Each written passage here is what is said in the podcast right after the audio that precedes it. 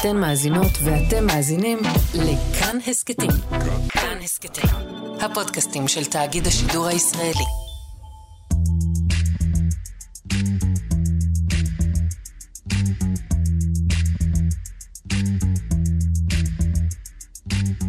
שלום ענת קורול גורדון. שלום שלום סטרדמסקי. ושלום גם לכם, אתם מאזינים ואתן מאזינות לעוד כיסון שלנו, כלומר פרק שהוא פרק קצר של חיות כיס, קצת יותר אקטואלי, קצת יותר הדוק.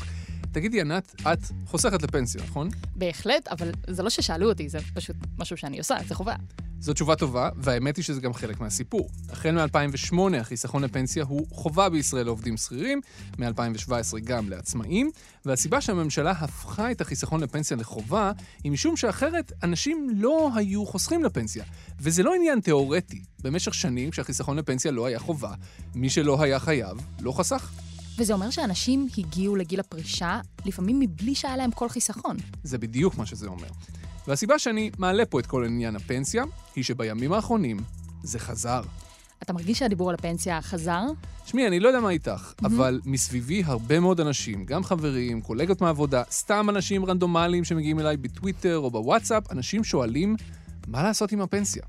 כן, האמת שגם לי יצא לחשוב על זה לאיזה כמה רגעים, אבל אז זה הבעיט אותי, הרגשתי שאין לי שום כלי ואני פשוט צריכה לעזוב את זה, וזה מה שעשיתי.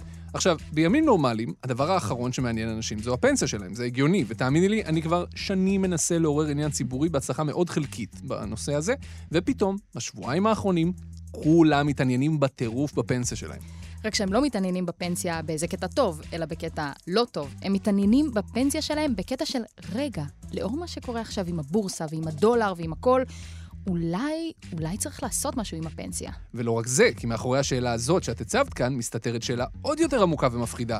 האם אני צריך למשוך את הפנסיה שלי וממש להעביר את הכסף פיזית לחו"ל כי אולי יום אחד הממשלה תשתלט עליו? או-אה, אז היום בכיסון שלנו, כל מה שאתם צריכים לדעת על מה עושים עם הפנסיה שלכם. מה עושים איתה כאן ועכשיו, ומה עושים איתה גם בטווח היותר רחוק. בואו נתחיל מההתחלה. למה הדיבורים על הפנסיה צצו דווקא עכשיו? אז אני מניח שההסבר הכי טוב לזה הוא הרפורמה המשפטית, בשני מובנים. גם משום שאנחנו רואים את הרפורמה משפיעה מאוד על מה שקורה בכלכלה ובשוק ההון, וגם משום שהרפורמה מעלה לאנשים כל מיני רעיונות של רגע, אולי הפנסיה שלי לא מוגנת יותר כמו שחשבתי. אוקיי, אז בואו נפרק את זה. וקודם הכלכלה ושוק ההון. מה קורה שם שגורם לאנשים להתחיל לחשוש? אז הדבר המרכזי, הראשון, הוא מדדי המניות בבורסה בתל אביב, שירדו מתחילת השנה בכמה אחוזים טובים, כמעט עשרה, למרות שבאותה תקופה מדדי המניות המובילים בארצות הברית דווקא עלו. והדבר המרכזי השני הוא מה שקורה עם השקל. השקל היה מטבע מאוד חזק בשנים האחרונות, היו לזה כמה סיבות. הסיבה הראשונה זה גז. עד לפני תמר היינו מייבאים דלקים באזור החמישה מיליארד דולר בשנה, היום הסיפור התהפך לחלוטין, אנחנו מספקים את הצריכה הבסיסית של ישראל וגם מייצאים לירדן ומצרים, וזה מביא לפה דולרים שצריך להמיר לשקלים ולכן הדולר נחלש מול השקל. זה יוטב קוסטיקה. יוטב.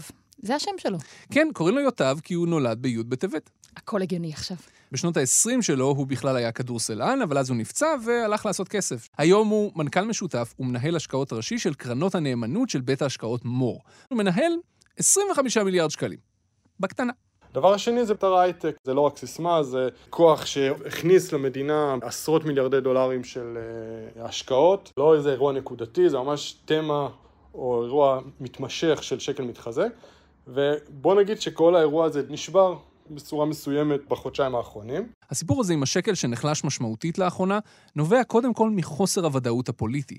אף אחד לא יודע אם בסוף יהיו פשרות ברפורמה המשפטית, או אם החקיקה תהיה חד צדדית, ובכלל, מה יקרה עם מערכת המשפט. וכל עוד אף אחד לא יודע, השוק עצבני, כי השוק לא אוהב חוסר ודאות. אז זה דבר אחד, חוסר הוודאות, אבל חוץ מזה, הבלגן בשווקים נובע גם מהתוכן של הרפורמה עצמו. כלומר שלפחות חלק מהמשקיעים מעריכים שהמשמעות של הרפורמה שהממשלה מקדמת, היא שהמשק הישראלי פשוט יהפוך להיות מקום שמסוכן יותר להשקיע בו. ואז משקיעים זרים או ישראלים אומרים לעצמם, רגע, אולי נמיר חלק מהכסף משקלים לדולרים. המנגנון הטכני לזה יכול להיות ממש לקנות דולרים ולהחזיק אותם בעובר ושב או בפיקדון, או למכור אגרות חוב של ממשלת ישראל, ואז במקומן לקנות אגרות חוב של ממשלת ארצות הברית שנקובות בדולר.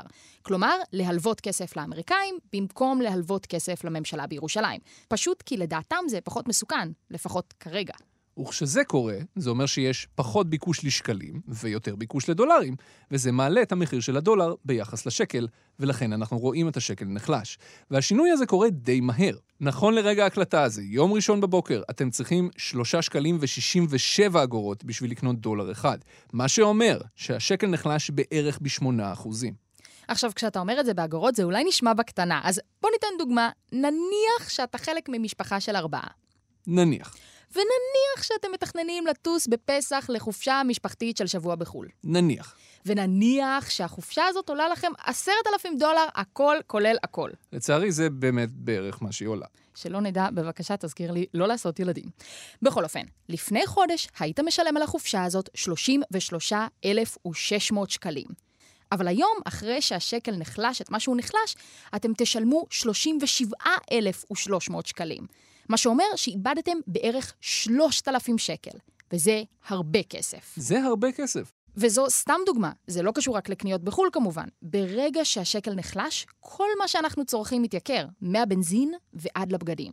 עכשיו, אנחנו לא יודעים מה יקרה לשקל בהמשך, אף אחד לא יודע, אבל אנשים תוהים. אם זה הולך להיחלש עוד הרבה זמן, אולי כדאי לי להעביר את הכסף שלי לדולרים. אולי גם את החסכונות שלי לפנסיה. גם הירידות בבורסה גורמות להם לחשוב ככה. אם המדדים בבורסה הישראלית ימשיכו לרדת, אנחנו נפסיד כסף, אז אולי כדאי להצמיד את החסכונות של הפנסיה למדדים של חו"ל.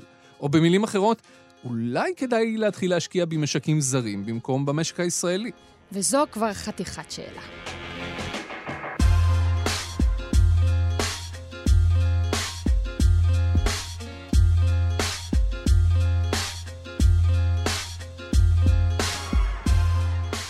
שנייה לפני שנרחיב על זה, נגיד שכל מה שאנחנו אומרים כאן הוא לא המלצה מה לעשות עם הכסף שלכם, אלא בגדר חומר רקע. אם אתם מקבלים החלטות על הכסף שלכם, אנא, קראו ולימדו היטב את החומר והתייעצו עם איש או אשת מקצוע לפני זה, ואל תקבלו החלטות רק כי שמעתם אנשים מדברים על זה באיזה פודקאסט.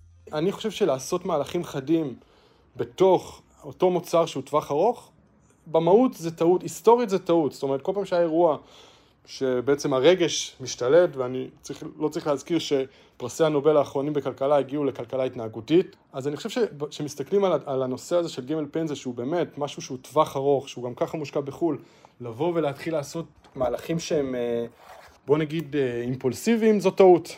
בואו נפרק שנייה את מה שיוטב קוסטיקה אמר פה. גופי הפנסיה מקבלים כל חודש מיליארדים רבים של שקלים מהישראלים שחוסכים לפנסיה, והם צריכים להחליט מה לעשות עם הכסף הזה, איפה להשקיע אותו. היקף החסכונות של הישראלים לפנסיה כבר עבר את השני טריליון שקלים, סכום אדיר שגדל כל הזמן. ולכן בשלב מסוים, שוק ההון המקומי הפך להיות קטן על גופי הפנסיה שלנו. בעיקרון, 70% מהכסף שהצטבר בחשבונות הפנסיה של הציבור מושקע כאן בישראל, ו-30% בחו"ל. אבל פעם זה לא היה ככה. פעם 90% מהכסף של הפנסיה היה מושקע בישראל. אבל לפני עשור, משהו התחיל להשתנות. בפנסיות הצטבר כל כך הרבה כסף, שגופי הפנסיה התחילו להגדיל את ההשקעות שלהם בחו"ל. לפי יוטב קוסטיקה, היום בין 70 ל-90 אחוזים מההפקדות החדשות שנכנסות לגופי הפנסיה כל חודש, מושקעים בחו"ל. והשינוי הזה, המגמה הזאת, זה קרה לבד, הרבה לפני שהממשלה החליטה להעביר רפורמה משפטית, והרבה לפני שהציבור נהיה מודאג לגבי הכסף שלו. מה שאומר שגם אם אני דואגת לפנסיה שלי לאור השינויים האחרונים, אני לא צריכה לעשות שום דבר, כי ממילא האנשים שמנהלים את הפנסיה שלי משקיעים יותר בחו"ל? את לא חייבת, אבל אם את רוצה שגם הכסף שצברת עד עכשיו יושקע בעיקר בחו"ל, ולא רק ההפקדות החדשות שאת uh, חוסכת כל חודש, אז דעי שאת יכולה לעשות את זה. וגם אתם, אם אתם מאמינים יותר בכלכלות של מדינות אחרות, אתם תמיד יכולים להצמיד את כל הכסף בפנסיה שלכם, או בקופת הגמל שלכם, או בקרן ההשתלמות שלכם, או בכל חיסכון אחר שיש לכם למדדים של שווקים אחרים. מה זה אומר להצמיד למדדים? זה אומר שאם ברגיל כספי הפנסיה שלנו מושקעים בעיקר בישראל, שזה אומר בממשלת ישראל ובחברות ישראליות וקצת בחו"ל, אז אפשר להפוך את התמהיל. כלומר, להשקיע את הכסף בעיקר בחו"ל, בממשלות זרות, בחברות זרות, וקצת בישראל. היום אתה יכול את הקרן פנסיה שלך לצורך העניין, להיכנס לאתר, לעשות חלוקה 10% אה, מסלול X, מסלול Y, מסלול Z, אוקיי? בין המסלולים, אה, הרבה גופים מציעים מסלול של S&P או מסלולים גם צמודי מדד. לצורך העניין, חשוב להגיד, מה קורה כשהדולר מתחזק? הכל נורא יקר, זה מייצר אינפלציה. אינפלציה, אחד הדרכים להגן על עצמך, זה בעצם לקנות מוצר שהוא צמוד מדד. עכשיו, גם בישראל אתה יכול לקנות אגב מוצר בשקל, אה, או אגרות חוב, של ממשלת ישראל או כל חברה אחרת, צמודת מדד, ובעצם אם הדולר יתחזק והאינפלציה תעלה, אתה די מוגן. איך עושים את זה טכנית? אז היום כל גוף פנסיה מציע מסלולים כאלה. לפעמים אלה מסלולים שצמודים למדד מניות עיקרי אחד, כמו מדד 500 החברות הגדולות בארצות הברית, ה-S&P 500, ולפעמים זה שילוב של כמה מדדים בחו"ל, כמו שמציעה קרן הפנסיה שלי. נגיד, מדד של המדינות המפותחות, ומדד של אירופה, ומדד של ארצות הברית. כל מיני כאלה. אז פשוט ממלאים טופס וזהו? כן, ברוב הגופים אפשר לעשות את זה ממש באינטרנט, להיכנס, למלא כמה אחוזים רוצים על כל מדד, וזהו. ואנשים עושים את זה?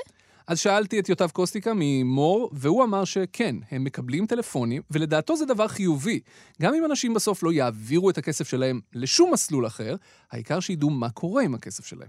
זה מייצר התעוררות בחינוך הפיננסי של אנשים. פתאום אנשים מסתכלים, אפילו מסתכלים מה הם מושקעים בכלל בפנסיה שלהם. הרבה לא ידעו או לא יודעים.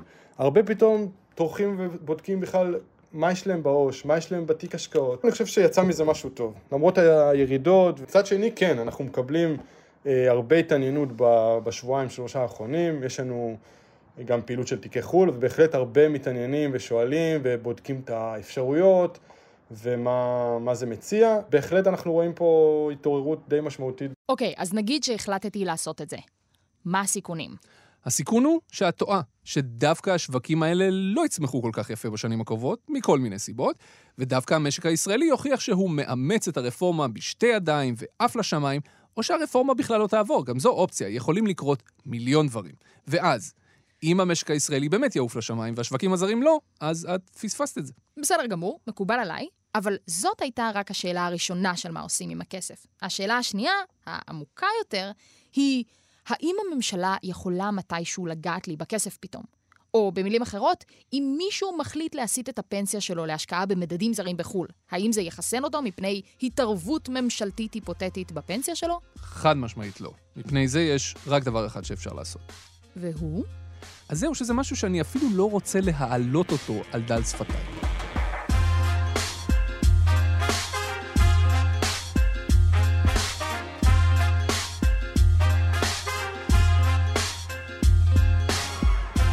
וואה, בכל זאת, אנחנו חייבים תשובה למאזינות ולמאזינים שלנו, והאמת היא שגם אני קצת במתח. אוקיי, okay, אבל אני אגיד מראש, אני ממליץ לא לעשות את הדבר הזה, כי זה מהלך בלתי הפיך עם השלכות קשות על העתיד שלכם.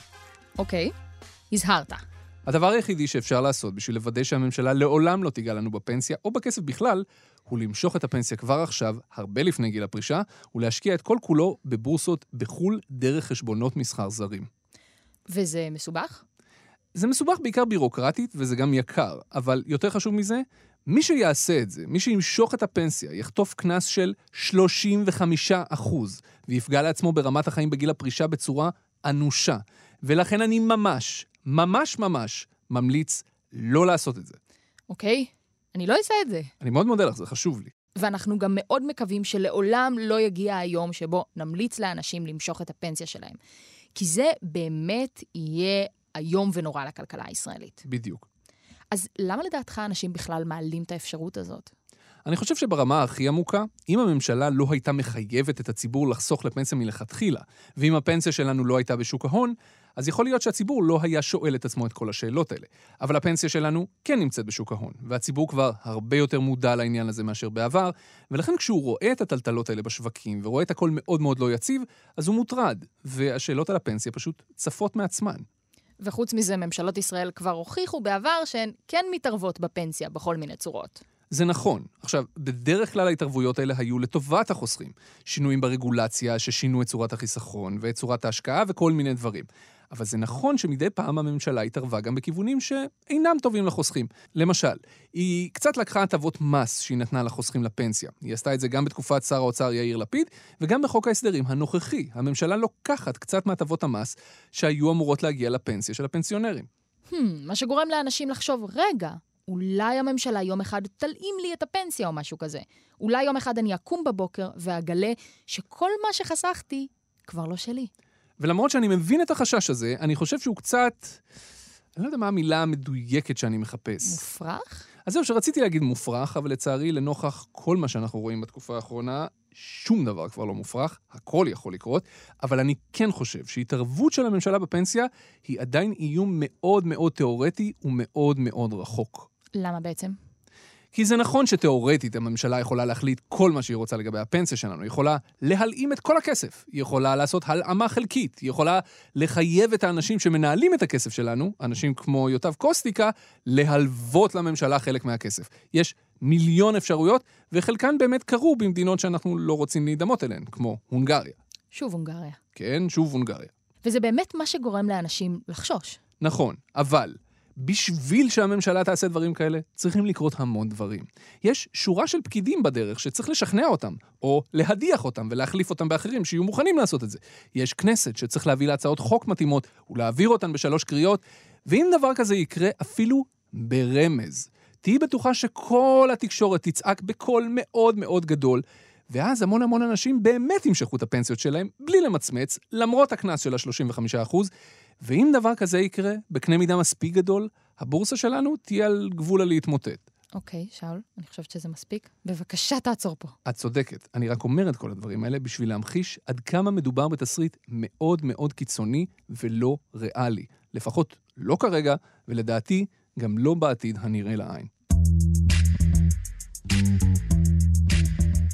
אז בשורה התחתונה, אם אתם מוטרדים מאוד מאוד לגבי השקל והדולר ומה שקורה בבורסה ואיך כל זה עומד להשפיע על הפנסיה שלכם, דעו שהאנשים שמנהלים לכם את הכסף ממילא פועלים בשביל להשיא לכם תשואה אופטימלית גם בתנאים האלה. מה שאומר שהם בעצמם כבר מסיטים את הכסף לאן שהם חושבים שצריך. ועוד לפני שהדברים האחרונים קרו, ממילא בעשור האחרון יותר ויותר מכספי הפנסיה שלכם מושקעים בעיקר בחו"ל ולא בישראל, כי השוק המקומי פשוט קטן על הררי הכסף שנכנסים כל חודש לחשבונות הפנסיה שלנו, כך שממילא הכסף שלכם נודד לחו"ל עוד לפני שחשבתם על זה. ואם זה לא מספיק לכם ואתם רוצים להצמיד את כל כספי הפנסיה שלכם לחו"ל, אתם יכולים לעשות את זה בעצמכם, כי היום גופי הפנסיה מציעים מסלולים כאלה. רק תחשבו על זה טוב טוב לפני זה, כי כמו שיוטב קוסטיקה אמר, עדיף לקבל החלטות כאלה לא בפאניקה, אלא מתוך מחשבה סדורה ורציונלית. ואחרון חביב, אנחנו אולי לא חסינים מהאפשרות התיאורטית שהממשלה תלאים לנו את הפנסיה, או משהו איום ונורא בסגנון הזה, אבל אני באופן אישי חושב שאנחנו גם לא קרובים במיוחד ליום הזה. ובעיקר, המשמעות של להוציא את כל הפנסיה לפני גיל הפרישה היא הרסנית הרבה יותר, ואני ממש מקווה שלא תעשו את זה. אתם האזנתם לעוד כיסון שלנו. העורך שלנו הוא תומר מיכלזון, עורכת הסאונד היא חן עוז, במערכת חיות כיס תמצאו גם את אלונה מיצי ואת צליל אברהם. המתמחים שלנו הם רותם רפאל ואיתי ניקסון. עורך כאן הסכתים הוא ניר גורלי. תודה רבה, ענת קורול גורדון. תודה רבה, שאול אמסטרדמסקי. ותודה רבה לכם שהאזנתם.